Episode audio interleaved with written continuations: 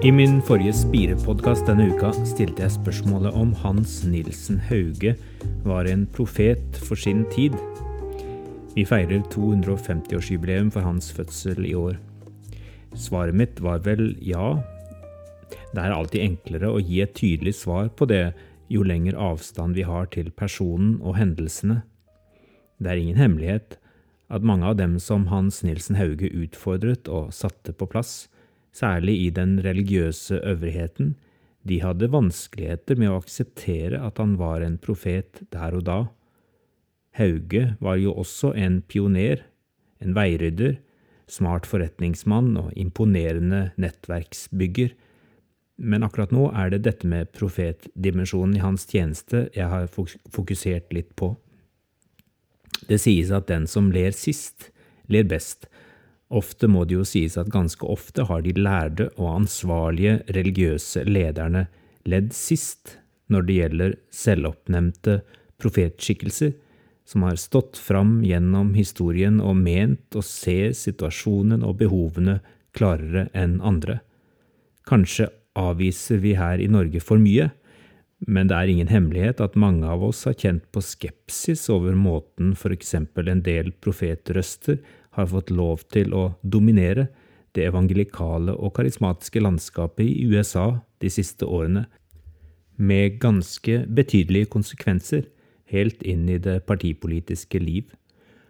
Og det gjør oss skeptiske. Falske profeter har gjort stor skade. Det er ikke alle splittelser og konflikter i kirken opp gjennom historien som hadde vært nødvendige hvis det ikke hadde eksistert noe mer klokskap hos til og med ekte profeter når de begynte å si ifra. Men så er det stor sannsynlighet for at Guds folk hadde sluppet mye lidelse og unødig sorg om vi faktisk hadde latt være å skyve det vanskelige under teppet, og noen ganger lytte til de profetiske røstene som våger å si det som ikke alltid klør i øret her og nå, men som faktisk kan redde oss på sikt. Det er på en måte lettere å avsløre de falske profetene enn å skjelne det som virkelig er gull i all gråsteinen. Men vi trenger så sårt dette gullet. De sanne profetstemmene hjelper oss til å kaste lys over viktige sider ved Guds ord som trenger å belyses akkurat i vår tid. Jeg skal ikke begi meg inn på noen kjapp oppskrift her og nå på hvordan vi skal skjelne mellom sanne og falske profetstemmer, og heller ikke har jeg noen ABC for hvordan vi skal ta imot de sanne profetene når de snakker, eller for den del hvordan de sanne profetene skal bli modne profeter som vi faktisk lytter til. Jeg har heller ikke svarene på alle sånne spørsmål, men jeg vil gjerne føre samtaler om det, for jeg tror det er viktig at vi ikke undertrykker de virkelige profetstemmene iblant oss. I det siste har jeg lest mye i Jeremia-boka og det kan hende det kommer noen drypp fra den på Spires pod innimellom framover. Da Jeremia fikk kallet til å være profet, trolig i år 627 før Kristus, fikk han høre blant annet følgende ord fra Gud. Se, jeg gjør deg i dag til en festningsby, til en jernstøtte og en bronsemur mot hele landet, mot kongene i Juda, mot lederne og prestene og folket i landet de skal gå til krig mot deg, men ikke vinne, for jeg er med deg, sier Herren, jeg skal berge deg. Det må ha vært kraftig kost for Jeremia å høre at hans profettjeneste skulle møte så mye motstand at det skulle oppleves som en krig. Han står som et av de sterkeste eksemplene på ensomheten ved å våge å komme med et upopulært budskap som profet. Tidsangivelsene vi får i Jeremia-boka, antyder at hans aktive tjeneste har vart i ca. 40 år. Han virket i en enormt dramatisk periode i Juda-rikets historie, der hovedstaden falt og store deler av folket ble bortført til Babel. Alt dette hadde Jeremia forutsett skulle skje, Jeg vil sitere Peter Haldorf når han i boka si Fuglene synger ikke lenger sammenfatter budskapet hos de gammeltestamentlige profetene, og særlig Jeremia. Hva består budskapets brodd i? Profetene i Israel er de første som på alvor stiller spørsmål ved politisk og økonomisk makt. Mistillit til makten i alle dens former er et av de mest typiske trekkene hos de gammeltestamentlige profetene med sin dristige poesi, med rystende bilder og metaforer, forstyrrer de ordenen i et samfunn som tilsynelatende fungerer godt.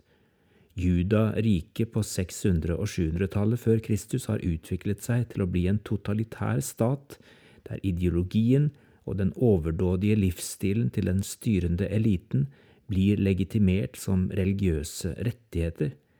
Den privilegertes interesser blir beskyttet, og de som allerede er utsatt, blir utnyttet. I lys av dette framstår profetene og oppførselen deres som et ekstraordinært sosialt fenomen. De er stemmer fra et annet sted og trosser en makt som bare får større appetitt jo mer den spiser.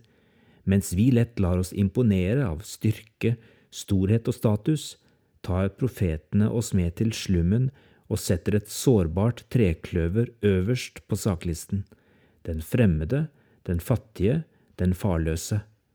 Hos Jeremia finner vi i tillegg en solidaritet med den lidende jorden, engen og miljøet, naturen og dyrene. En del av profetiene hans tordner som om de var skrevet midt i de dramatiske klimaforandringene i vår tid. Alt dette gjør Jeremias bok til en politisk tekst i samtiden, samtidig som han ser at den onde roten sitter i menneskets hjerte, som har anlegg for selvbedrag og for å utsette og fornekte. Det er dette klarsynet som skaper profeter. Øyet leser samtiden samtidig som øret er vendt mot Gud. De stiller en sikker diagnose fordi de vet hva vi ikke kan forhandle om dersom vi vil leve i harmoni med hverandre og med den verden Gud har skapt. Så langt Peter Haldorf og hans gripende bok om Jeremia, Fuglene synger ikke lenger. Jeremia løftet fram de sårbare, den fremmede, den fattige og den farløse, og han løftet fram den lidende jorden, engen og miljøet, naturen og dyrene. Kan det tenkes at Jeremia er en profet for vår tid? Hvem er de fremmede, den fattige og den farløse iblant oss? Og hører vi ropene fra en natur i ubalanse? Fordi Jeremia virket både før, under og etter at krisen var et faktum for Judariket, blir han også en håpets profet.